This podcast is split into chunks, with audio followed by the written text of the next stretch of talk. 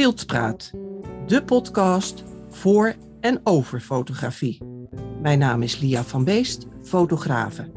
En in deze aflevering is mijn gast Tom Meerman. En hij is fotograaf, docent, mentor, bestuurder en veelgevraagd jurylid en beeldredacteur. Nou, dat is een hele mond vol allemaal. Uh, en met Tom ga ik praten over zijn nieuwe boek Foto's analyseren en bespreken. Welkom, Tom. Leuk dat je er bent. Ja, fijn dat ik er mag zijn. Ja, uh, wij gaan uh, over jouw nieuwe boek praten. Trouwens, ik, ik, uh, daar zijn wel fotograaf, docent, mentor. Dat zijn wel heel veel beroepen in één. Ja, nou ja, het, het is zo gegroeid dat um, het praten over fotografie een, een, belangrijk deel van mijn werk werd. Maar ja, ik ben zowel als beeldend kunstenaar opgeleid als als manager. Dus al, al heel vroeg in mijn fotografische loopbaan vroegen mensen of ik ook wilde helpen organiseren. En um, aangezien um, ik toch ook wel heel analytisch ben ingesteld, ben ik ook heel snel gaan praten over fotografie. Dus ja, het, het draait inderdaad allemaal over fotografie. Ja, en dan heb je dit boek uh, Foto's analyseren en bespreken geschreven. Je hebt nog meer boeken geschreven. Maar ja. uh, met welk doel heb je dit boek geschreven? Nou, ik merk dat heel veel mensen die over een foto iets willen zeggen, uh, moeite hebben om daar de goede woorden bij te vinden. En uh, niet dat mensen niet kunnen praten, maar het gaat er vaak om dat mensen niet even de juiste insteek weten te kiezen. Um, ik, ik, hecht er ook aan om, uh, om, om de dingen vergelijkbaar te maken. Dus als je de ene keer iets over een foto zegt, dat je de volgende keer het op eenzelfde soort manier kan doen. En zo ontwikkelde ik al lang geleden, dat was al vlak na mijn eigen kunstopleiding. Uh, want dus na die managersopleiding heb ik ook een uh, kunstacademieopleiding gedaan. Uh, en daar ontdekte ik dat als je een beeld analyseert, dat het dan een, een, een, diepere ervaring oplevert. Ja. Dus dat heb ik ook als ik naar schilderijen kijk. Dan, dan probeer ik me ook een voorstelling te maken van dat proces wat erachter zit. En ik merk dat ik daardoor vreselijk kan genieten van nou, nou ja, van de voortbrengselen van, uh, van, van kunst, omdat ik ook de betekenis daarvan uh, doorgrond. Ja. Dus ja, dit boek is geschreven voor iedereen die wel eens iets over een foto wil zeggen. En het is, het is dus ook om heel veel mensen um, de wind uit de zeilen te nemen, die zeggen van je hoeft bij een foto niks te zeggen, want een foto moet het zelf doen. En, en nou ja, laten we daar het interview er maar mee beginnen. Een Ja. foto kan niet, kan niet voor zichzelf spreken, want een foto spreekt namelijk niet. Een foto is een beeld. Ja. Ehm, en Maar jij dat- zegt eh, fotografie of is een beeldtaal. Fotografie is absoluut een taal. Het is een taal waarin we communiceren. Maar, maar, maar een, een foto heeft tekst nodig. En eh, iedereen die denkt dat dat niet zo is, die is een, een, een, een te gemakkelijke consument. En ehm, bedoel, het is ook heel simpel. eh, ik kom nooit foto's tegen zonder tekst. Ik heb geen boek in de kast staan en ik heb heel veel boeken in de kast staan, maar geen boek zonder tekst. Ik, ik koop ook nooit een tijdschrift waar alleen maar foto's in staan zonder tekst. Ik ga nooit naar een tentoonstelling zonder titel. Ik, ik, ik koop geen boek zonder dat ik via woorden ben uitgenodigd om daar eens naar te gaan kijken. Mhm. Ehm, en natuurlijk, foto's vertellen op hun eigen manier wat ze vertellen, maar daar hoort tekst bij. Ja. En zelfs bij een foto waar geen tekst bij is, kun je gaan praten over van waarom zou daar geen tekst bij hoeven. Nee, precies. Dan zou je kunnen zeggen van ja, de, de foto spreekt voor zich net als Maar dat, dat is niet zo. Nou, het punt is, als, als je een foto helemaal voor zich laat spreken. Kijk, sommige dingen kun, kun je niet in de foto zeggen. zetten. Je, je kunt niet. eh, soms moet je weten van, van wie zijn deze mensen, of waar is dat, of wanneer was dat, of van welke grote gebeurtenis is dit de essentie eigenlijk die we hier zien. Heel veel van die dingen kan je niet zomaar weten. Ja. En, en als dat al in foto's duidelijk is, dan wil ik nog weten en daar heb ik ook weer woorden bij nodig, wie dan die kunstenaar is en eh, wa- wat er in zijn ziel zit en ehm, wa- waar die vandaan komt. Ehm, Ja. Foto's veranderen door context ook van betekenis. En dat is geen armoede van een foto, dat is juist de rijkdom van fotografie. Ja, ja want in de, de lezer die krijgt dus een, een soort stappenplan aangereikt met Ja. rijtjes. En voor in het boek staat ook een link waar je die handige lijstjes kan downloaden. Ja. Ehm, maar wat is die functie? Wat zijn die functie eh, van die rijtjes? Nou, er staan er inderdaad heel veel in. En uh, sommige die zijn goed uh, om eens te bestuderen, om het goed te begrijpen. Maar er zijn er ook, die kun je echt helpen. Bijvoorbeeld het kernhoofdstuk van het boek, het grootste hoofdstuk ook, dat is over beeldelementen. Mm En die, die beeldelementen, daar geef ik al, al wel twintig jaar lang, als het niet langer is, lezingen over. En ik leg mensen uit hoe je, ik beschrijf negen beeldelementen, hoe je die kunt gebruiken bij een fotobespreking. Bij ieder beeldelement wat ik noem, eh, zeg ik ook de kernvraag. Ja. En mijn stelling is, en ik, um, ik geloof zeker dat die stelling klopt, dat als je over een foto iets wilt zeggen en je weet even niet waar je moet beginnen, dat je in je hoofd, of misschien hardop pratend, die negen vragen stelt en beantwoordt. En ik weet heel zeker dat als je dat doet, dat je die negen vragen beantwoordt bij een foto, ja. dat je dan probleemloos over iedere foto die je tegenkomt een kwartier kunt praten. Dat je daar ontdekt wat zit er eigenlijk in. En dat je dat kwartier lang niet hoeft af te vragen, wat vind ik eigenlijk van die foto? Je hem als het ware feitelijk aan het ontrafelen. En het mooie is dat je na dat kwartier weet welke van die negen vragen het meest interessante antwoord opleverde. En of dat interessant is, dat hangt onder andere af van de positie die jij hebt tegenover je publiek. Want het kan nogal verschil maken of je met een fotograaf over zijn foto's praat, of dat je voor een zaaltje met mensen over die foto's praat. Of dat je voor een anoniem publiek, bijvoorbeeld in een tijdschrift, iets over die foto gaat schrijven. Dat maakt verschil. Dat, weet, dat, dat, dat geeft iedere keer een andere invalshoek. Maar na, na die negen vragen weet jij wat de meest in, interessante invalshoek bij die foto is. Daarom is het handig om die. Dus ik zeg vaak: van, neem die, doe die nego in een briefje in je jaszak. En als je ergens over een foto wat mag zeggen, noem wat. Je bent jurylid of je bent uh, fotobespreker. Of je gaat naar een tentoonstelling met iemand die zegt: van joh, zeg er eens wat van. Maar begin je dan ook gelijk met die negen beeldelementen? Of ga je eerst zeggen: van nou, um, ik ga die foto ontrafelen en ik begin bij het hoofdthema? Maar, maar, maar ja, natuurlijk, natuurlijk. Kijk, eh, het boek heeft een, een soort logische volgorde. En die logische volgorde die gaat ongeveer zoals die langs de hoofdstukken gaat. Dus als ik dat even in grote stappen noem. De allereerste indruk, die maak je binnen een halve seconde. En dat is een indruk van, oh, wow. Of uh, jongen, of uh, hey, of... Fijn. Daarom begint mijn boek ook met een lijst met duizend woorden. Die je kunt zeggen, oh, spannend, of onthutsend, of uh, verrassend, of saai, of kleurrijk duizend woorden die je zou kunnen gebruiken als je foto ziet. En dat heeft iedereen in een halve seconde. Ik heb het, het laatst nog in de presentatie van het boek ook gedaan, heb ik een, een, een, een reeks foto's laten draaien, iets van 60 foto's. En die kreeg je allemaal maar een seconde te zien. En aan het publiek gevraagd, wat heb je nou, heb je die foto kunnen zien in die, in die seconde? Eigenlijk zegt iedereen, ja inderdaad, ik heb die foto gezien en ik zag wat erop staat. Oké. Dus de, je, je hebt niet alle details gezien. Nee is namelijk het punt. Je oog zoekt naar, oh, wat herken je? En dat herken je en dat, dat, vindt, je, dat vindt iedereen, dat, dat is aan onze mensen gebonden, een geruststellende gedachte. Je ziet iets en dat herken je. En dan weet je, is het fijn, is het gevaarlijk, is het verrassend, eh, wat ook. Ja, want het is dus ook eigenlijk een soort gevoel wat je erbij krijgt. Ja, ja, in die eerste seconde is dat een soort gevoel. Dus die, dat gevoel van herkenning, dat is een soort veilig gevoel. Of dan denk je van, oké, ik beheers deze situatie, want ik weet wat ik daar tegenkom. En ik weet dat ik me daartoe kan verhouden. Dat is een soort oer, uh, oer manier van kijken. En er komt iemand binnen en je denkt, oh, die ken ik. Weet je wel zo. Stap die is in een, in een seconde. Dat je denkt, oh wauw. En de tweede stap, want dat vroeg je net, gaat het dan over de hoofdthema's. Ja, inderdaad. Als je over een foto iets moet zeggen, en je hoeft niet over iedere foto wat te zeggen, maar als je over een foto iets gaat zeggen, begin dan even heel sec gewoon te bekijken. Dat noem ik dus hoofdthema's. Wat staat er eigenlijk op? Is dit een landschap? Is dit een portret? Is dit een uh, gebeurtenis? Is dit een stil leven? Heel simpel, zonder er verder iets van te vinden. Je hoeft helemaal niet stillevens in algemene zin interessant of niet te vinden. Maar het is wel goed als je over een foto iets zegt om je te realiseren: oh, ik kijk naar een stilleven. Ja. Heel sec. Het punt is namelijk, op het moment dat je dat realiseert, dan weet je ook dat als je concludeert dat het een stilleven is, dat je er dan ook op moet reageren alsof het een stilleven is en niet alsof het een portret zou zijn. Nee, klopt. Um, en, en als het een portret is, dan is het goed om je te realiseren van, is dit een biografisch portret? Namelijk, gaat dit over een persoon?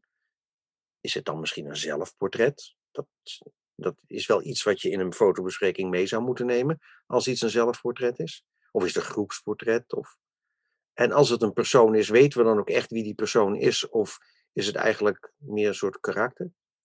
Ja, of is het, is het een model? En, en als iemand een model is, hè, noem een modemodel of een naaktmodel, dan gaat het niet over wie die persoon is. Dan, dan staat die persoon eigenlijk model voor een gedachte of een vorm. Ja. Dat is een heel ander verhaal. Ja. Dat is meer zeg maar, een sociologisch portret. Als je op een foto een, een, een, een, een, een mooi model ziet, dat, de, ja, dat, dat, dat is een soort algemene gedachte. Dat is niet een, een, een, een mens, een, dan heb je het niet over een persoon, maar dan heb je het over een variant van de mensheid. En het is goed om je, om je dat te realiseren. Hè. Een landschap, dat is ook een ruim begrip, dat gaat over natuur en het weer en zo. En er zijn uh, vormen van dat soort fotografie. Dus, dus, dus, de tweede, dus de eerste stap is, oh wauw, en de tweede stap is, wat staat er eigenlijk op? En de derde stap is, ja, dat is waar we het net over hadden, die beeldelementen. Hoe zit die foto eigenlijk in elkaar? Want dan heb je het over licht en donker, eh, lijnen, compositie, kleur, scherpte. Ja, je hebt het ook over, zit er eigenlijk uh, dieptewerking in die foto? Want het rare van een foto is dat die gemaakt wordt van een stukje werkelijkheid. En werkelijkheid heeft ruimte en beweegt en zo. En die foto beweegt niet meer. En die foto is plat. Maar als die foto gaat over de werkelijkheid, dat hoeft niet altijd, maar als die erover gaat, dan, dan moet die op een of andere manier ook wel weer daaruit te herleiden zijn. Ja. Nou, dat zijn beeldelementen. En als je die hebt besproken en behandeld, dan heb je wel een idee over hoe die foto in elkaar zit. Maar dan kun je nog de vraag stellen van, ja, waarom bestaat die foto eigenlijk? En dan ga je kijken naar, omdat je inmiddels zo goed weet van wat er op die foto staat, ga je je afvragen, wat heeft die fotograaf eigenlijk gedaan? Heeft hij dat wat op die foto staat bijvoorbeeld zelf in elkaar gezet? In een studio is dat een hele normale setting. Ja. Maar je kan ook buiten natuurlijk arrangeren. Of heeft de fotograaf het niet gearrangeerd, maar heeft hij toch wel iets gedaan zodat die foto er op een andere manier uitziet dan dat we gewend zijn? Bijvoorbeeld, hij komt op plekken waar wij normaal nooit komen. Of hij kiest beeldhoeken die we normaal gesproken helemaal niet kennen. Want wij herkennen de wereld alsof die eruit ziet vanaf ooghoogte. Ja. Maar hey, je kan ook vanaf kniehoogte fotograferen. Alleen dat herkennen we niet meteen, want zo kijken wij nooit. Maar de wereld ziet er ook vanuit kniehoogte uit. Tegenwoordig worden veel dronefoto's gemaakt. En daar moeten we allemaal even aan wennen dat de wereld. Uh, ja, een andere kijkhoek. Ja. ja, Maar, maar uh, zijn dat de volgende stap, is dat dan de vijf W's die je ook noemt? Van waar, wanneer, wie, wat, waarom? Of is dat een, um, een stapje daarna weer? Nee, bij sommige foto's is, is, zijn die vijf W's belangrijk. Dat is vooral zeg maar, bij, uh, bij foto's van gebeurtenissen. daar, daar, wil je, daar, daar, daar heb je dat eigenlijk nodig om het een document te laten zijn. Maar niet iedere foto hoeft een document te zijn. Een foto kan ook een, eh, echt een artistieke uitdrukking zijn van, uh, van de fotograaf. Ja. Maar ik weet wel zeker dat als jij een foto ontrafelt, naar, naar, naar de eerste indruk, naar wat staat er eigenlijk op, naar hoe zit de foto in elkaar, naar wat heeft die foto eigenlijk gedaan om dit te doen, en naar, en dat is dan de volgende stap, waarom doet die fotograaf dat eigenlijk? En daar kun je achter komen als je goed nadenkt, als je goed kijkt naar wat zit er om die foto heen. Je kunt erachter komen in hoeverre die foto bijvoorbeeld aangestuurd wordt door een opdrachtgever.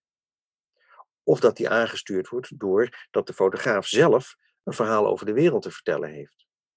Of omdat de fotograaf kijkt naar de wereld en ons daar een verslag van wil doen. Mhm. Een journalist die, die kijkt op een andere manier naar de wereld als een kunstenaar in zijn atelier. Zo zijn, zo zijn er nog meer manieren natuurlijk om met de wereld om te gaan. Hè. Je, je, je kunt ook nog heel wetenschappelijk, feitelijk naar de wereld kijken. Dan kan je reproductiefoto's maken bijvoorbeeld. En ja, dat bestaat natuurlijk ook. Hè. Ja. Wetenschappelijke fotografen die, uh, die, die, die, uh, die proberen gewoon echt heel sec de feiten van de wereld weer te geven. Ja, daar moet je wel eens wat uh, bijschrijven natuurlijk. Ja, ja. Jij zegt ook van kijken gaat niet zonder voorkennis. Nee, maar is voorkennis altijd vereist om te kunnen kijken. Het begint bijna filosofisch te worden. Nou ja, als, als je iets op een foto ziet wat je niet, waarvan je echt niet weet waar je naar kijkt. Ja. Als je het echt niet weet van, van waar kijk ik eigenlijk naar, dan zijn het dus blijkbaar alleen maar vormen en kleuren en licht en donker en scherp en onscherp. Ja. Ja, ja dat, dat kan. Dat kan. Ik heb wel gemerkt in de, dat, dat het mensen heel erg uh, uh, kriegel maakt. Dat, eh, ik heb dat wel eens als proefje gedaan. Dan leg ik mensen een foto voor waar een voorwerp op staat waar je echt niet ziet van wat, wat is dit voor een voorwerp? Waar je dus aan de foto ook niet kan zien hoe groot of hoe klein is dat. Ja. En dan vraag ik mensen, nou zeg eens wat over die foto. En de ene die wordt heel kriegelig van, ja, ik weet het niet.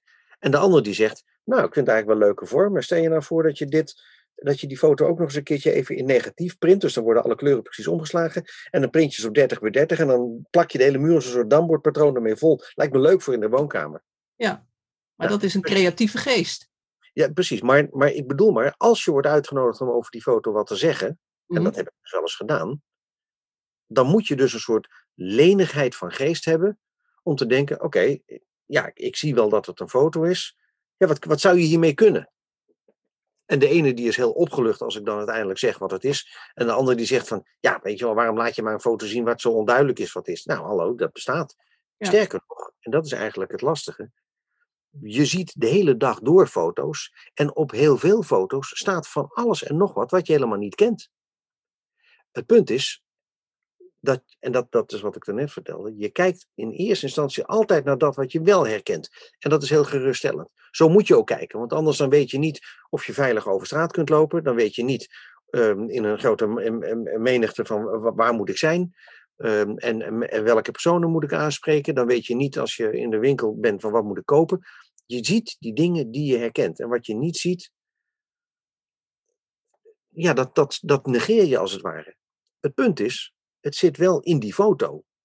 En als je beter naar een foto kijkt en je gaat doorhebben wat dat was wat je in eerste instantie niet herkende en je gaat even een beetje doordenken, dan kan het wel eens zijn dat daar onderhuidse boodschappen in zitten die wel invloed hebben op jouw gedachten of op je gemoed, zonder dat je dat precies doorhad. En ja, ik, je, zei net al dat, je, dat het een beetje filosofisch is om naar fotografie te kijken. Ja, ik leerde wel uit de filosofieboeken van, eh, die, ja, die, die ik dan wel eens lees, dat ehm, bewust omgaan met de wereld wel eh, het begin is van, van een gelukkig leven. Ja. Dus doorhebben wat iemand jou laat zien, want dat is het punt. Als jij een foto ziet, dan laat iemand jou dus die foto zien. Iemand heeft besloten, je krijgt die foto te zien. Omdat iemand heeft gezegd, ik zet hem in een blad, of ik print hem op een poster op straat, of hij hangt op een tentoonstelling, of ik zet hem op Instagram, of wat ook. Als je een foto ziet, heeft iemand besloten, ja, je krijgt die foto te zien. En waarschijnlijk heeft degene die daartoe besluit, heel goed door wat hij daar laat zien. Want iemand die de foto gemaakt heeft, die weet wel waar dat was en wat dat was en wat die twee mensen met elkaar hebben of die op die foto staan. Of, of, of, of waarom dat jasje aangetrokken is. Ja. En daarom is de tekst bij de foto ook zo belangrijk. Nou ja, maar ook die moet je, door, ook die moet je doorgronden. Want bij een reclamefoto staat natuurlijk een tekst die erop gericht is om jou op, tot een bepaald handelen aan te zetten. Ja. Ehm, je moet wel doorhebben hoe dat in elkaar steekt.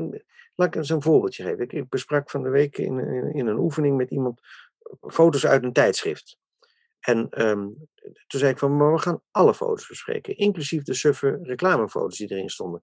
En daar stond een, foto, een reclamefoto van waar je leuke huwelijksreizen heen kunt maken. En dat ging over Barbados. En er stonden twee kleine fotootjes van twee hotels. En bij die hotels zag je een mooi wit strand met palmbomen. Ik zeg, ja, haalt je de koekoek, dat is wat ze daar verkopen. Maar ik kan je nu al vertellen dat dat de mooiste beeldhoek van het hotel is.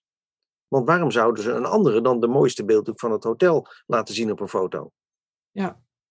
Dan moet je je realiseren, als potentiële koper, dat alle andere beeldhoeken op het hotel dus minder zijn. Dus als je aankomt rijden daar vanaf de parkeerplaats, dan ziet het er minder leuk uit. Want als het er leuker uit zou zien vanaf de parkeerplaats, dan stond dat wel op de foto. Ja. ja. Dus net Ja. als met een auto. Hè? Je krijgt Ja. ook altijd een proefrit in een auto, de meest dure uitvoering. Oh, ja, ik koop al de tweedehands auto's, dus ik moet het er maar mee doen. Ja, nou, nee, ja, dat maakt niet uit. Maar in ieder geval, zo Ja, nee, proberen je dan altijd. Nou ja, dat is de, bedoel, wij, leerden in, in de fotografieopleidingen van als je een koekje fotografeert, dan leg je altijd de chocoladekant naar boven. Ja. Ja, maar, je- maar je, je moet je als kijker realiseren dat er ook een ander kantje zit. Maar goed, bij die twee fotootjes van dat hotel met die palmbomen en dat Ja. strand en zo. Ehm, en er zat ook nog iemand op het strand en die zat er heel gelukkig te wezen. Daar lopen ook wel eens jengelende kinderen, maar die staan niet op de foto. Eh, er stond ook een leuke foto van een soort eh, eh, zee en daar zag je de zon ondergaan en er, het water kabbelde heel vriendelijk. En toen zei ik ook dus tegen die cursist, van, en die foto, dan zegt daar zo over. Ja, dat is ja, Barbados. Oké, okay, weten we dat eigenlijk wel zeker? Ja, hoezo? Daar staat gewoon met dikke letters overheen, Barbados. Ik zeg, ja, maar you, dit is een reclamefoto, hè? Ja. En gelukkig was dit blad zo eerlijk. Daar stond ergens in de hoek ook nog dat dat een fotootje van Shutterstock was. Dus ik zei, oké, wie zegt er dat dat fotootje, dat dat strand überhaupt in Barbados is? En denk je dat daar altijd de zon vriendelijk ondergaat? Ten eerste is dat alleen maar s'avonds een half uurtje. De rest van de dag is het anders. Ten tweede, uh, hallo, het waait er ook wel eens. Hè? Er is ook wel eens gewoon een tropische storm. En uh, uh, dat strand is niet altijd rustig. Er lopen ook wel eens een heleboel mensen en zo.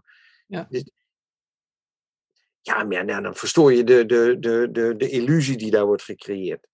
Precies. Ja. En dat moet je niet altijd doen, want dan word je een, een cynisch mens. Maar je moet het af en toe wel doen, ja. Ja, ja.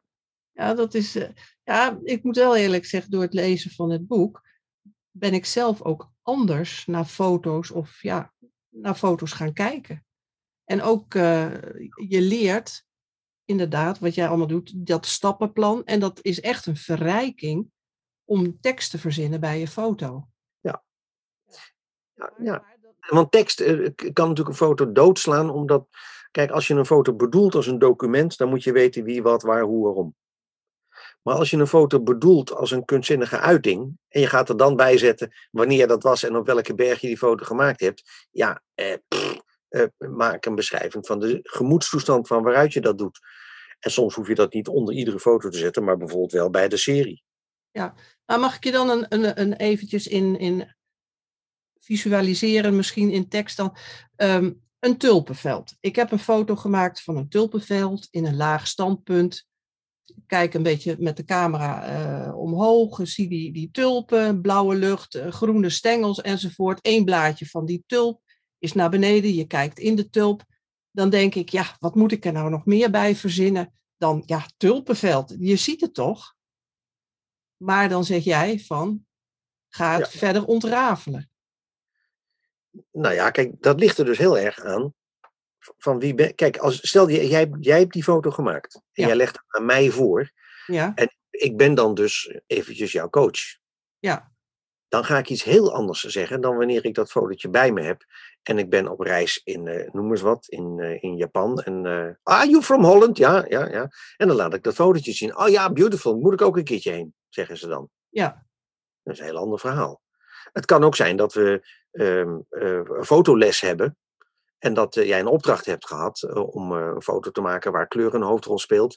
En we kijken naar die foto en dan zeg ik, ja, beste Lia, het kleurcontrast tussen die blauwe lucht en dat groen en dat rood, eigenlijk had er een beetje geel bij gemoeten om een beetje in harmonie te komen. Oké. Okay. Dat kan ook maar zo aan de hand zijn. Ehm, ik kan ook tegen jou zeggen van, oké, okay, Lia, maar in welke reeks past deze foto eigenlijk? Ben je altijd bezig met bloemen? Of altijd bezig met tulpenvelden? Of gaat deze foto eigenlijk over compositie? Dat zie ik beter als ik meer foto's van jou zie. Ja, ja, oké. Dan, nou, dan weet je wat je eigenlijk wil. Ja, als het een incidenteel, als het een, een eenmalig iets was, ja. dan, dan is het een andere. Uh, ja. ja. is het anders dan dat ik een reeks van uh, bloeiende. Uh, ja, uit een reeks wordt sneller duidelijk wat je wil. Maar als jij één foto laat zien, dan ga ik mij razendsnel even afvragen: oké, waarom laat je mij die foto eigenlijk zien? Is dat dan dat je wil vertellen van, nou, ik heb vorige week nog een leuk uitzagje met mijn man. We hebben een cabrio, we zijn lekker gaan rijden. En we zijn naar de bollevelden gegaan. Moet je kijken hoe mooi die bloemen erbij staan. Ja. Oké. En dan is maar de vraag: wil je dat ik zeg van, goh, Lia, nou, leuk, fijn voor je? Of gaan we dan het over het fotografische hebben? Ja. Dat, moet je even, dat is afhankelijk van de setting waarin je het gesprek voert. En als ik dan zeg, nou ja, die tulp had één blaadje, die viel uh, naar beneden toe, zodat ik in de bloem kon kijken. Dan zie je de meeldraadjes, de stamper en dat soort dingen. Dat wilde ik laten zien dat imperfectie ook mooi kan zijn. Ah, oké. Dus dan zeggen wij dat het imperfect is. Misschien dat de tulpenboer zelf zegt van, oh shit, ik heb die tulpen drie dagen te laat gerooid, want ik moet ze rooien voordat die blaadjes loskomen. Of misschien zegt die tulpenboer wel, verdomme, al die toeristen met hun camera's, ze mollen mijn tulpen, moet je kijken, dat blad hangt scheef, dat had helemaal niet gemoeten. Ja. Of zo, weet ik veel. Kijk, ik ben een paar jaar geleden voor het eerst een keertje in de keukenhof geweest. Want ik dacht, Keukenhof, daar gaan alleen maar bussen Chinezen heen. En dat is suf. Verre van. Het is fotografisch. Het is, ik raad het echt iedereen aan om naar de Keukenhof te gaan. En, en dat komt om het volgende. Dat is, een, dat is vrij bijzonder. Kijk, die bloemen die hebben kleur, dat weten we wel. Maar wat we ons niet realiseren, is dat er weinig in de ons omringende wereld is wat zoveel kleur heeft als bloemen. En nou juist op de Keukenhof, waar heel veel bomen staan, waar vlekken zonlicht doorheen van, die moet wel op een zonnige dag, daar heb je dus grote contrasten tussen het licht en het donker. Waardoor je, die, als de zon op die bloemen schijnt, ze nog meer ziet. Ik heb daar bloemen naartoe gefotografeerd en ik merkte, toen ik ze later in mijn Photoshop bekeek, dat de bloemen in het, in het, in het kleurkanalen klippen.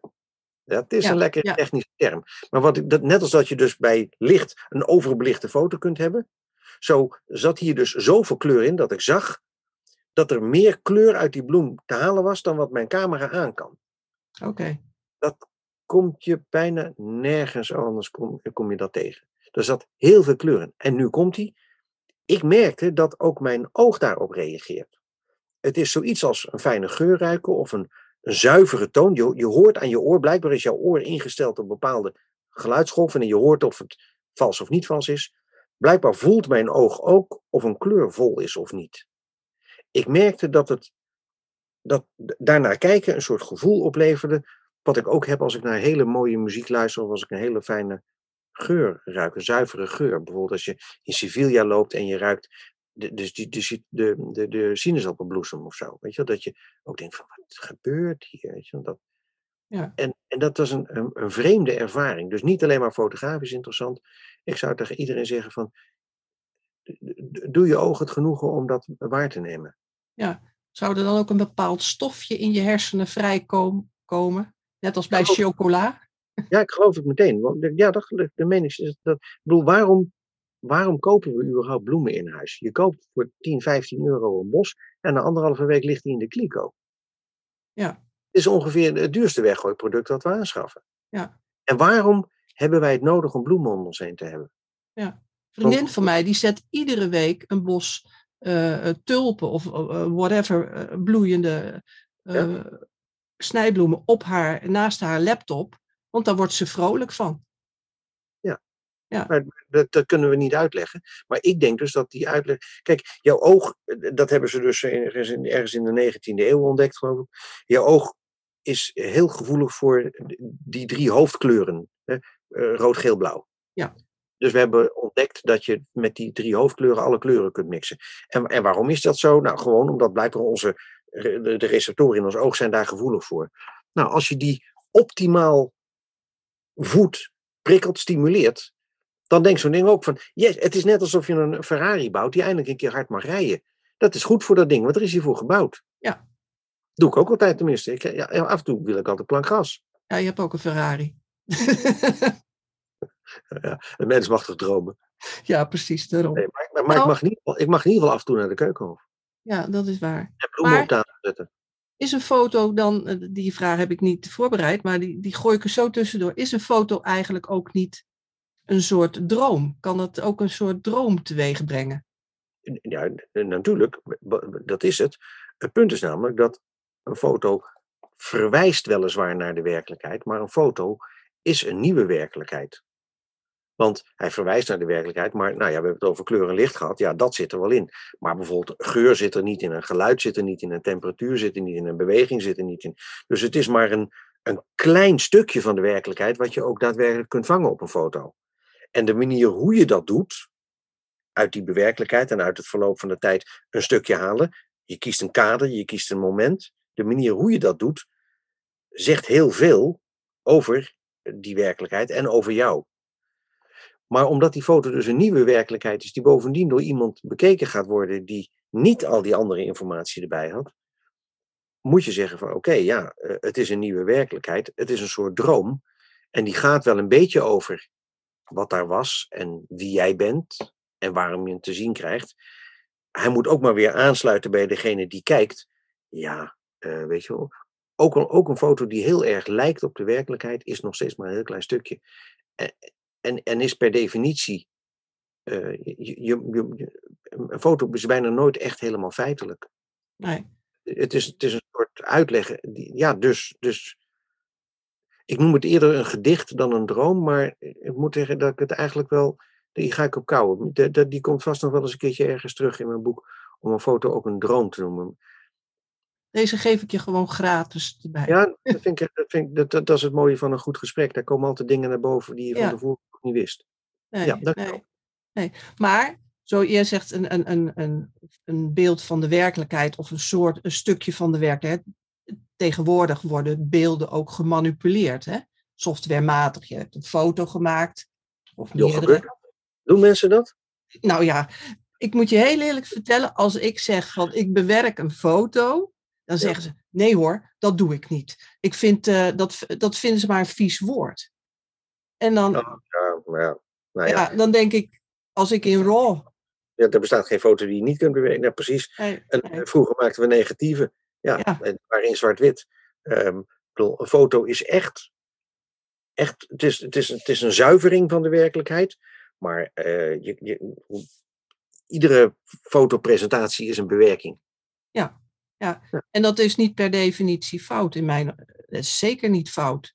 Nee, maar kijk, als, als iemand vindt dat hij dat met opzet zo weinig mogelijk moet doen, nou ja, dan ben ik, dan ben ik benieuwd naar waar die, die zelf opgelegde beperking toe leidt.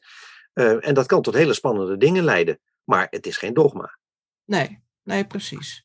Nee, dat is, on, dat is on, Stel je voor dat, uh, dat, uh, dat, dat Van Gogh had gezegd: nee, ik werk alleen maar in de echte kleuren.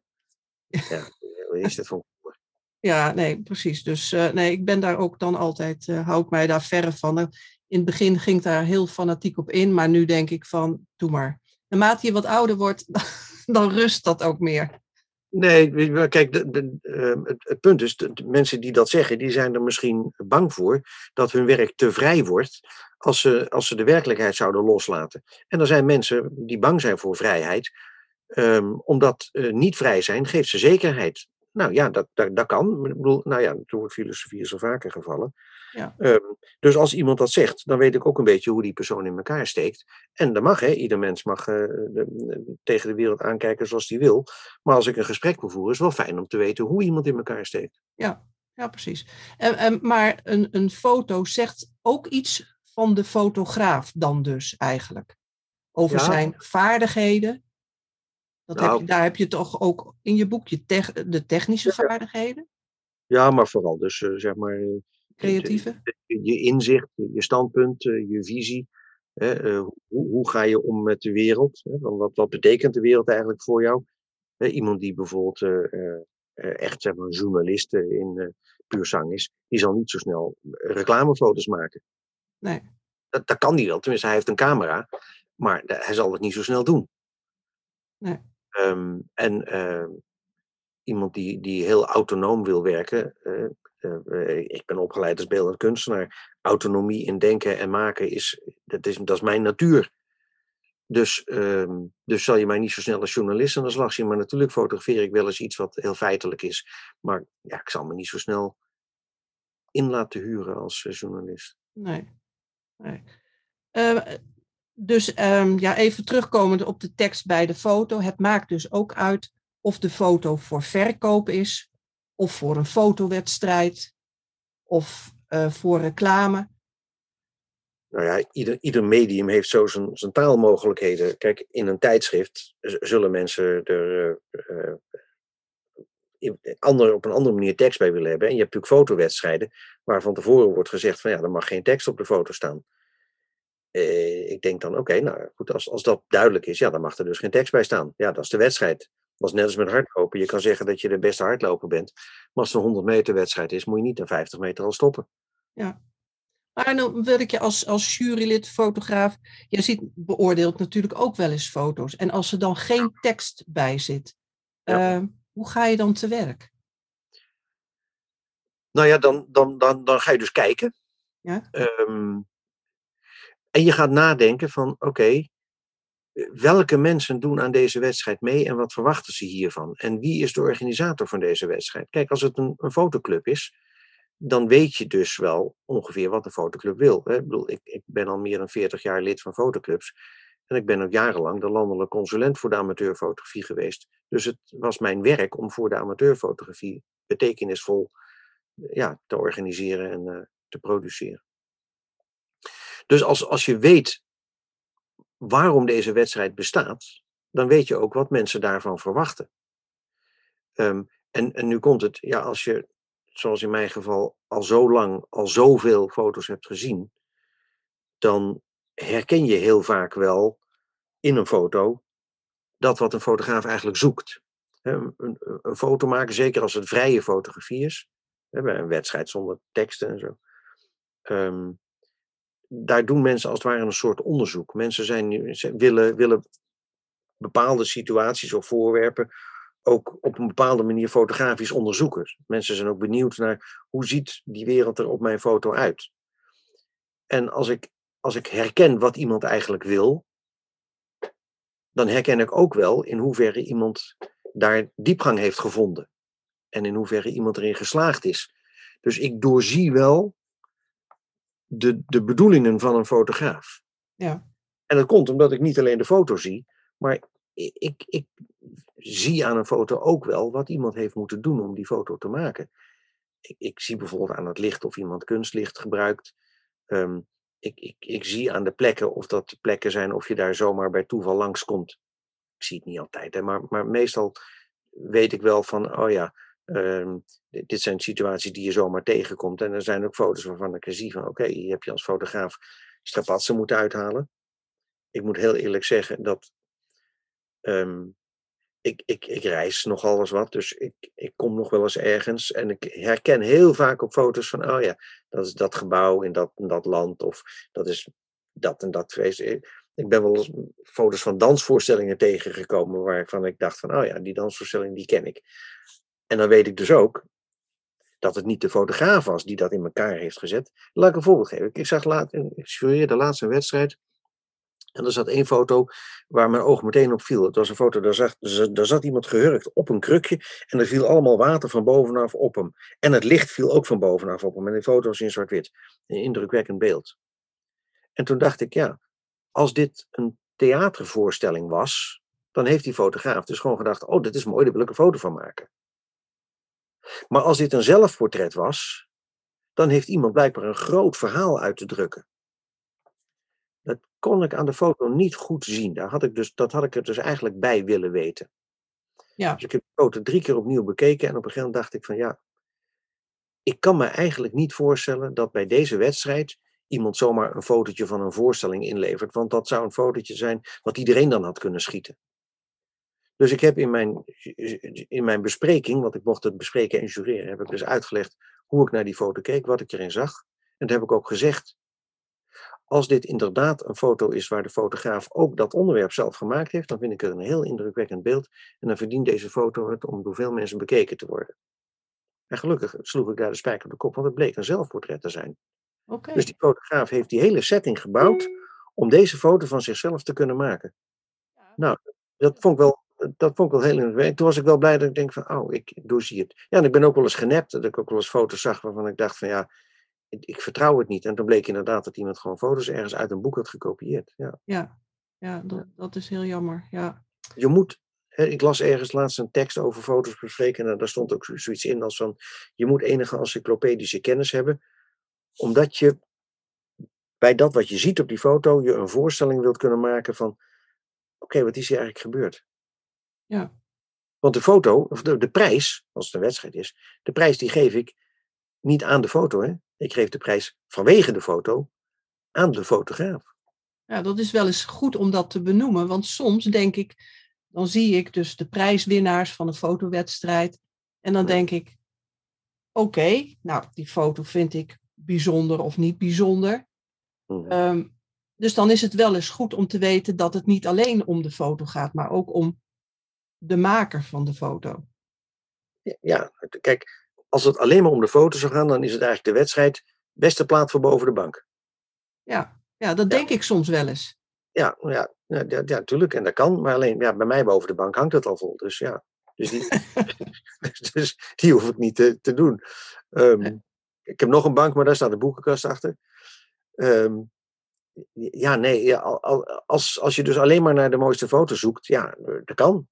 Maar dat zijn niet de diepgaande wedstrijden. Nee, nee, oké. Ehm, maar, maar het is niet zo dat als, je, dat, dat als je bijvoorbeeld bij een wedstrijd als WordPress, dat ze dan alleen maar kijken naar het verhaal. Dat is niet zo. Nee. nee. Ze, ze krijgen ook wel eens foto's waar bijvoorbeeld iets heel bijzonders gebeurd is, wat door meerdere fotografen is vastgelegd. Ehm, de, de tankman eh, toen op het Tiananmenplein is door meerdere fotografen gefotografeerd. De, de aanvallen op de Twin Towers zijn door meerdere fotografen gefotografeerd. Die liggen naast elkaar en vertellen soort van hetzelfde verhaal. Maar toch op een andere manier. Nou ja, de foto die uiteindelijk dan wint, is toch de foto waar, het, waar ook zeg maar het, qua beeldelementen het straks in elkaar zit. Ja. Maar ik zie wel eens een foto waarvan ik denk, oh die is spannend. En dan, ik heb wel eens bij een wedstrijd, toen zat die wedstrijd toch in elkaar, het is lang geleden, maar dan zag ik een foto, het was echt een hele spannende foto. En toen kreeg ik te horen, ja die is gefotografeerd door een meisje van 2,5. Toen dacht ik, oké, dus die is niet vanaf kniehoogte gefotografeerd, dat kind was niet hoger. Ja, toen dacht ik van, oh ja, maar dat meisje heeft ook helemaal geen idee wat ze daar gedaan heeft. Nee. Het is dat ik als, als curator die foto een soort betekenis geeft. Dat ik ineens die vreemde composities zo leuk vind en dat scherp onscherp. Ja, ik, dan, dan moet je dus ook niet die foto een prijs geven. Dan moet je mij als curator misschien een prijs geven, omdat ik zo'n interessant beeld ergens uit weet op te diepen. Ja. En die, tentoos, die tentozen komen natuurlijk heel veel tegen. Als wij naar Rembrandt kijken, dan stellen we Rembrandt bijna geen vragen. Dan gaan we kijken naar van wat hebben we en wat kunnen we bij elkaar brengen. En daar iedere keer weer een, nieuwe context bij maken. Ja. Nou, maar eigenlijk als ik je zo hoor, is het ehm, de juryleden die dus de foto's beoordelen eh, wel heel erg belangrijk. Als je als fotograaf ergens een foto instuurt, dat je kijkt van, oh, die juryleden, die weten op waarde een foto te analyseren. Ja, ik zou het niet doen hoor, want ik, ik verras mezelf ook wel eens. Ik heb laatst een foto laten winnen bij een wedstrijd waarvan ik echt van tevoren dacht van ja, maar die foto die kan niet winnen. En mhm. eh, maar, maar uiteindelijk, toen ik zeg maar mijn tien favorieten had, lag hij er nog steeds tussen. En, en, en op iedere foto was wel ergens toch een puntje, een minpuntje aan te wijzen. Op deze foto kon ik ook geen minpuntje aanwijzen. Dus dan heb ik bijna verontschuldigend tegen die mensen gezegd: jongens, dit is een verrassende foto. Het punt is, de fotograaf heeft iets gedaan wat ik nooit zou doen. Maar hij heeft het zo consequent en zo goed en zo zuiver gedaan. Ik kan niet anders dan zeggen van deze fotograaf heeft een, een, een prachtige foto geleverd. En misschien moet je er allemaal ook eventjes drie keer naar kijken voordat je doorziet van ja, inderdaad, hij klopt van voor tot achter. Ja, oké. Dat wil niet zeggen dat het een interessant onderwerp was, want in dit geval was het een haakje wat ergens aan een muur hing. Nou, is niet echt uh, iets waar. Niet spannend. Nee, het was niet echt heel spannend. Maar hoe het licht viel en de compositie en de uitsneden. Want ik kon zien dat heel strak over de uitsneden was nagedacht. Want hij was vierkant. Nou, zulke camera's hebben we niet meer. Nee. Ehm, en, en het licht viel heel precies. En de, de, de doortekening in de schaduw was heel precies. En juist omdat het zo'n onbetekenend onderwerp was, weet je van oké, dit gaat dus niet over het onderwerp. Het gaat over hoe is het in beeld gebracht. En dat was zo ultiem gedaan. Ja. Ja, ja dan kon je niet anders. um, en, nog even op het boek uh, terugkomen. Want ja, wij kunnen uren zo doorgaan. En wat mij betreft prima. Um, geef een cursus hoor, dan hebben we iets meer de tijd. Ja, nee, nou, maar ik uh, ga dat zeker. Uh, en, en ik wil ook nog even tussendoor zeggen dat, dat bij dit boek heb je ook nog een YouTube-filmpje gemaakt. Dus als mensen nog verdere verdieping willen, of ja, ik zou bijna niet weten, na deze podcast hebben we het aardig diep uh, gedaan. maar dan kunnen ze het ook nog eens in beeld bekijken. Maar als ik daarop mag aansluiten, dat, dat YouTube-filmpje, dat is dus uh, een boekpresentatie. Daar laat ik ook allemaal foto's zien. Ja. En via mijn eigen webkanaal, uh, YouTube-kanaal en, en via het uh, YouTube-kanaal van de uitgever van Dure Media kan je dat filmpje natuurlijk zo ergens terugvinden. Het duurt een uur. Maar um, mede op verzoek ook van de uitgever um, zijn we er nu ook een videocursus van aan het maken bij Photofacts. En um, daar kun je me een paar uur lang horen praten over het boek. Ja. En uh, als gezegd, um, iedere fotoclub in Nederland die denkt, ik wil die mannen wel eens ontmoeten, die kan mij natuurlijk uh, vragen om uh, avondjes te komen en dat soort dingen. Ja, nou, ik kan in ieder geval Photofacts van harte aanbevelen, want daar ben ik zelf ook lid van. Dus, okay, nou, dan komt daar binnenkort de cursus foto's analyseren en bespreken. Ja, helemaal goed. Ja, uh, wat kan men eigenlijk na het lezen van dit boek? En welk gedeelte vind je dat uh, misschien nog wat extra aandacht uh, verdient in, dit, in deze podcast? Nou, na dit boek, zo, zoals jij net ook al zei, ga je waarschijnlijk anders kijken naar fotografie. Dat is wat, wat ik al jarenlang terughoor van mensen van, oké, dus zo kan je ook naar foto's kijken. ja, en ik weet zeker dat dat het genoegen van naar foto's kijken alleen maar zal verhogen. Ja. En niet alleen kun je dus anders kijken, maar je kan daardoor ook woorden vinden. Omdat ik een logische volgorde geef en omdat die lijstjes niet lukraak zijn, maar sluitend. Ja. Ik geef negen beeldelementen en uh, daarmee kan je ook alle beeldelementen bespreken. En ik geef um, creatieve strategieën en, um, en uh, dat zijn lijstjes, die zijn dan gewoon kloppend. Uh, en volledig. Dus dat, dit is niet allemaal een beetje voor de vuist weg. Het, het, het geeft een soort volledigheid aan dat als je iets wil doorgronden, dat het hier staat. Dan vervolgens moet je dat natuurlijk vertalen naar wat je, wat je zelf ziet. Maar ja. ja dit is het. Ja, nou ik moet heel eerlijk zeggen, het, ik vind het een verademing. Want als je op zoek bent naar woorden, pak dit boek erbij en uh, ja, dan, dan geeft het je ideeën en, en ja, je wordt er filosofisch van, zei ik al. Maar het, het geeft veel beter um, inzicht hoe je tekst bij je foto uh, kan zetten. Ja, kijk, er zijn natuurlijk meer mensen die zo'n soort boek hebben geschreven. Hè? Um, en um, ik heb jarenlang uh, tegen dit boek aangehikt, omdat ik dacht, ja, er zijn toch ook andere boeken die, die over dit onderwerp gaan.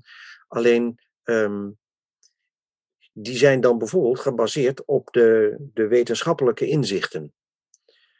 Uh, dat, daar is niks mis mee, maar die zijn dan ook geschreven in de taal van die wetenschappers. En daar is wel iets mis mee, want de meeste mensen die over een foto iets willen zeggen, willen dat niet wetenschappelijk, maar willen dat op het begripsniveau van wij als uh, cultuurminnaars en, uh, en, en, consumenten.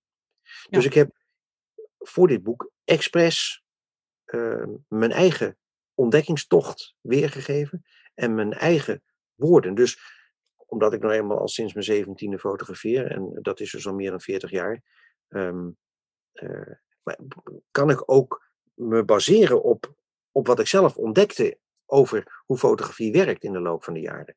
Dus omdat ik het schrijf in de woorden van waarmee ik het ontdekte, hoop ik en denk ik ook dat iemand die zelf wil kijken, dat hij dat, dat herkent. Dat hij herkent van, oh ja, als je gewoon naar een foto kijkt, zonder dat daar uh, bepaalde woorden zouden moeten of zo, dan, dan helpt dit boek ja, om op het niveau van een ontdekker, als het ware, te kijken. Ja, ja precies. Mag ik je dan een, een, een andere, uh, niet aan dit boek gerelateerde uh, vraag stellen? Van hoe denk je dat de fotografie zich gaat ontwikkelen nu en in de toekomst? Ja, dat, eh, dat is een, een, mooie. Kijk, dan moeten we natuurlijk even weten wat fotografie is. Hè. Fotografie wordt gedragen door foto's. Ja. Foto's zijn vastgelegde ideeën. In licht vastgelegde ideeën. Um, ik denk dat mensen ideeën blijven houden. En ik denk dat, we, dat, dat, dat licht ons, een van onze belangrijkste communicatiemiddelen blijft zijn. Want um, we kijken altijd. En um, en, en ik denk dat we altijd media blijven gebruiken waarin we stilstaand beeld gebruiken. En natuurlijk, kijk, vroeger uh, bestond film alleen maar uh, op je televisiescherm of in de bioscoop. En op een gegeven moment hadden we dat ook in de computer. En tegenwoordig kun je filmpjes bekijken met apparaatjes in je zak of op je, op je arm. Dat is, dus, dus, dus je kunt overal eigenlijk fotografie zien. Nou, we lezen dat de tijdschriften ermee op gaan houden. Van de week weer een paar uh, tijdschriften die we niet weg konden denken uit ons landschap, die ermee stoppen. En um, dus, dus op een of andere manier wordt dat minder. Maar tegelijkertijd wordt het, het drukken op papier en op andere voorwerpen zoveel groter. Ik kan me niet voorstellen dat we zonder foto's verder leven. Dus net zo goed als dat uh, toen de boekdrukkunst werd uitgeschreven, stopte nog steeds niet het, het handgeschreven werk. Ieder kind leert nog steeds schrijven. Ook al typen we, we kunnen ook schrijven. Ik denk dat we ook blijven fotograferen. Um, en, en, en foto's, ja, eerst waren ze in zwart-wit en toen werden ze in kleur. We kunnen al 150 jaar lang stereofoto's maken en toch doet bijna niemand dat. oké, we kunnen al, al sinds eind 19e eeuw filmen. Eh, en iedereen heeft tegenwoordig een apparaat waar je dat mee kan. En toch maken de meeste mensen wel foto's, maar niet zoveel filmpjes. Want om een filmpje te bekijken, dat is tijdgebonden. En net al, een foto kun je zien in een seconde. Uh, je kunt niet uh, allemaal bewegende, als je de hele dag bewegende filmpjes ziet, dat, dat trekken we niet. Op een of andere manier ja, dus ik denk dat er, dat er meer en meer fotografie komt. Juist omdat we tegenwoordig zelf kunnen produceren. Ik had 40 jaar terug een zwart-wit doka, geen kleuren doka. Nee. Ik ga nu gewoon een kleur produceren. Ik zit hier op mijn computer wat te maken en uit mijn printer rolt het of ik laat een boek maken. En er, ja. Ja. ja. ja. ik vind ook dat je foto's, uh, mooie foto's printen, dat vind ik ook de kers op de taart. Hè? Dus je hebt een mooi beeld gemaakt en dan, dan, eh, dan denk je van, nou, dit is printwaardig. Ik print hem, ik print zelf. En dan kies ik het, de papiersoort uit, want dan vind ik dat met, met een reliefje of ik vind uh, dat vind ik bij die foto passen. Ja. ja. dat vind ik dus geweldig. Ik kan me dus ook niet voorstellen dat dat ooit verdwijnt, net wat je zegt. Nee, maar het is natuurlijk wel goed om je te realiseren dat als je print, dat je het risico loopt dat je je eigen publiek bent. Kijk, toen ik 40 jaar geleden uit de donkere kamer kwam met een 18 bij 24 print. Terwijl iedereen gewend was dat we net overgestapt waren van 9 bij 13 naar 10 bij 15. En ik kwam met een 1824. Wauw, wat groot! Ja, de enige mogelijkheid om een foto op dat formaat te hebben, was het zelf in je donkere kamer te maken. Ja. Tegenwoordig, ja, eh, eh boeien, eh, weet je Ja, dat, dat, dat, iedereen heeft een A4-printer staan en de gelukkigen een A3. En anders dan doe je het wel bij een printservice. En toen ik voor het eerst een boek liet maken, toen dacht ik, oh, ik maakte vroeger boeken door foto's in te plakken in de Leporello's, die maakte ik zelf. Ik heb hier een paar honderd zelfgemaakte Leporello's staan. Ja, tot op een gegeven moment printing on demand ontstond. En ik kon ineens fotoboeken gaan maken. Ja, dat is ook al niet meer boeiend. Maar, ja, de, je zegt dat een print het ultieme is, maar... Nou, dat, dat, ik vind als, als ik een beeld gemaakt heb en ik heb hem bewerkt en ik heb hem dan, ja, dan kan ik hem wegsturen online en dan komt het terug. Maar nu heb ik alles zelf in de hand. Hè. Ik heb, iedere kleur heeft een aparte cartridge, weet je wel, dat soort dingen. Dus ik vind het ook leuk, ik vind het ook prachtig om naar die printer te kijken. En dan denk ik, nou komt het, nou komt het. dus. Ja, maar maar ik, ik, ik, ik, ik, ik deel het genoegen van een mooie print. Maar ik wil ook zeggen dat um, uh, een fotootje op Instagram is, is niet minder, maar is vooral anders. Ja. Uh, of een, uh, kijk, ik heb hier buiten aan de gevel van mijn huis een foto geprint op 1 bij anderhalve meter. Omdat ik gewoon wil dat iedereen die langsloopt denkt van, hé, hey, wauw, een, een, mooie foto. Hij, hij zit ook in het boek. Klopt. Dan in het kleine. Ja. Uh, en kijk, foto's en de verschijningsvorm van foto's, die veranderen de hele tijd. Hè? De eerste uitvinders die, drukten, of die maakten foto's op koperen plaatjes. En daarna ging het op papier, en daarna ging het op glas, en daarna ging het op celluloid. En, en, en uh, tegenwoordig kun je foto's ook op koffiekopjes laten printen. Um, maar eh, het rare is dat um, foto's uit de donkere kamer, luxe prints, hè, begin 20e eeuw had je die e-, half edele technieken. Mooi, mooi, mooi. En toen gingen ze uitvinden dat je ook de foto's in de krant kon drukken. Nou, dat ziet er een stuk slechter uit. Een krantenfotootje. Zeker de eerste krantenfoto's. Maar hé, hey, in één keer was het probleemloos, in plaats van dat er uit de doka een mooie print kwam, om die foto 200.000 keer voor op de krant te krijgen. En wat bleek? Die foto uit de donkere kamer was in één keer een half product om dat slechte ding in de krant te printen. Alleen dat werd door 200.000 mensen gezien.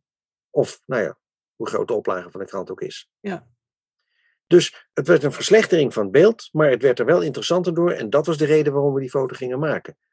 Ja, en op een gegeven moment bleek dat je dus, um, in plaats van dat je in de bioscopen zit, kon je ook naar de televisie gaan kijken. Ik weet niet of jij weet um, hoe, hoeveel, wat de resolutie van onze oude zwart-wit tv was, maar dat was iets van uh, eh, 400 bij 600 puntjes. Oké. Okay. Ja, ik heb het heb ook nog eh, in de tijd van de buizen, tv en dat soort dingen. Ja, ja. En, en toen kwam er, er kwam de breedbeeld tv. En uh, toen, toen vergroot Maar wij, wij keken gewoon televisie. We hebben gewoon um, uh, de maanlandingen en uh, het WK in 74 gewoon gezien op een zwart-wit tv met 400, 460 bij 580 puntjes of zoiets. Ja, ja. Zo slecht beeld, maar wel wij zagen de maanlanding in 69 wel live. Ja. ja, ik zat ook voor de buis. Ja. ja. ja. Zo'n slecht beeld. Want nu zouden ze zeggen, sorry jongens, er is iets mis met de verbinding. Ja. Ja. ja. En nu moet het steeds meer hogere resoluties. Nou ja, ik herinner me nog dat er iemand een keer. Kijk, mijn camera kan 4K filmen. Ik zei, ja, leuk. Heb je ook een apparaat waar je dat op kunt bekijken? Uh, nee, dat heb ik niet. Terwijl, ja, ik, weet je, ik heb nu hier gewoon een computer van 5K staan. En nou, ik heb hem niet, maar je kunt ze gewoon in de huiskamer kopen op 8K. Wie zendt dat uit? Nou, dat, als die tv's bestaan, gaan ze er dus ook op uitzenden, punt. Maar um, het, het is wel interessant om te zien dat een foto op iedere plek zo. Eh, voor, voor iedere foto bestaan er meerdere plekken waar die interessant is. Er zit ook een foto in het boek en ik zet er ook bij, is die foto van die spoorbrug. Die zette ik op Instagram en ik kreeg duizend likes op die foto. En dat is voor een gewone sterveling als ik een vrij bizar aantal. Maar ja, dan kijk ik naar de, de, de, de Instagram-site van Kim Kardashian. En die krijgt op gewoon een, nou ja, gewoon de meest slimielige foto 12 miljoen likes. Dus zoveel mensen die die foto zien, denken al, oh, like. Kijk, ik ben bevriend met Kim Kardashian. Ik kan erop zetten dat ik haar foto leuk vind. En dan staat ze gewoon op met haar moeder. Eh, het punt is, blijkbaar eh, heeft die foto ook een, een waarde. Maar je moet er wel even anders naar kijken ja. dan naar de foto's waar wij het eigenlijk nu over hebben. Maar als je er maar op die andere manier naar kijkt, heeft die foto ook betekenis en waarde. Ja, eh, ja. en daar kun je het ook over hebben. Ja. Nou. Het is eigenlijk een, uh, een onuitputtelijk uh, onderwerp, hè? beeld. Nou ja, kijk, daarom, daarom vind ik het zo fijn om fotografie ook taal te noemen. Wij gaan ons er ook niet afvragen of we over honderd jaar nog met elkaar zullen praten. Dat is, bijna geen vraag. Nee, en, en we gaan over, ook over honderd jaar, dat gaat dan waarschijnlijk over mijn kleinkinderen. Uh, die moeten nog komen trouwens. Uh, maar maar ook, ook, dan gaan we naar elkaar kijken en ook dan uh, ervaren we schoonheid in dingen, visuele schoonheid. en, en, en we ervaren ook dan dat er nou ja, zeg maar de waarden van Plato, van is het goed, is het waar, is het mooi, die gaan we ook dan nog steeds ontdekken, want over 100 jaar is Plato pas 100 jaar ouder dan nu. Uh, dan is het nog steeds uh, een belangrijke filosoof. Hè? Dus daar, daar twijfel ik niet aan. Dus goed, dit was het antwoord op jouw vraag. Ja, dat was kort en bondig, kan ik vertellen. Hoe heet het? Um, staan er nog leuke en interessante fotografisch gerelateerde opdrachten heb ik hier staan? Of anderszins in je agenda? Nou ja, kijk, het belangrijkste wat nu in mijn agenda staat, is dat uh, binnenkort mijn tweede boek uh, in deze reeks, nou niet in deze reeks, er komt dus een, nieuw boek uit en dat gaat heten Het Lichtkwadrant. Dat is een, um, uh, dat, dat, dat, gaan we nu niet uitleggen, maar dat is, dat is een technisch boek wat eigenlijk bedoeld is voor, voor, het, voor het fotoonderwijs, maar het is wel een vrij verrassend ehm, boek, zou ik maar zeggen. Ja. En, en daarnaast, ja, de, van of er fotografie uh, opdrachten. Kijk, ik ben natuurlijk al, al, al jarenlang bezig met een uh, heel groot uh, fotoproject over Amsterdam. En die foto's die, die, die zijpelen mondjesmaat zo'n beetje de wereld in. En ehm, ik hoop wel dat dat een keertje ook iets, iets meer dan mondjesmaat gaat, gaat worden. Nou, er zijn een aantal van ook in het boek. Hè? Maya Amsterdam en maar ik weet nog niet, nou ja, behalve dan dat ik een galerie heb die die foto's ook uh, voor mij verkoopt. Zou ik daar ook nog wel eens een wat uh, serieuzere grote publicatie van uh, willen. wil je nog wat toevoegen aan deze podcast wat onbesproken is gebleven? Misschien. We hebben, we hebben heel veel besproken. Ik, ik, ik hoop, en dat is misschien meer een soort slotwoord, dat iedereen ervaart dat begrip hebben van wat er om je, op je afkomt. Bijvoorbeeld dus inzicht in fotografie is een hele korte weg naar groot geluk. En dat, dat gun ik iedereen. En als ik daar aan bij heb kunnen dragen door wat ik maak, dan, uh, dan geeft mij dat gevoel dat het ertoe doet wat ik doe. Ja, nou, het is bij mij in ieder geval gelukt. En ik kan ook uh, dit boek van harte aanraden. Iedere fotograaf of mensen die naar uh, foto's kijken of anderszins. ja, top. Ik, ik dank je voor dit boek. Nou, dat vind ik echt heel fijn om te horen. Dan, en dan ga ik jou dus bedanken voor uh, het mooie gesprek daarover. Ja, nou heel hartelijk dank. Nou, ik, uh, ik zou, uh, als ik nog in de schoolbanken zou zitten, dan zou ik graag les gedoseerd willen worden door je. Want ik vind het heel prettig. Je legt het goed uit.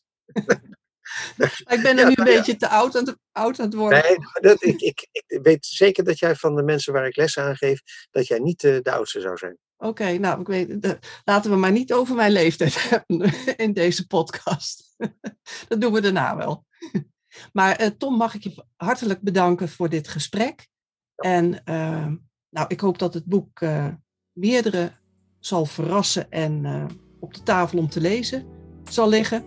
En ik hoop tot de volgende keer. Nou, graag. Daar zie ik naar uit. Dankjewel. Oké, okay, dankjewel. Iedereen bedankt voor het luisteren naar deze beeldpraat. Voor meer informatie, kijk dan in de tekst bij deze podcast. Hierin staat ook de link om het boek Foto's analyseren en bespreken van Tom Meerman te bestellen. Wil je niets meer missen? Abonneer je dan nu op Beeldpraat. En zodra er een nieuwe aflevering online staat, word je op de hoogte gebracht. Graag tot de volgende Beeldpraat.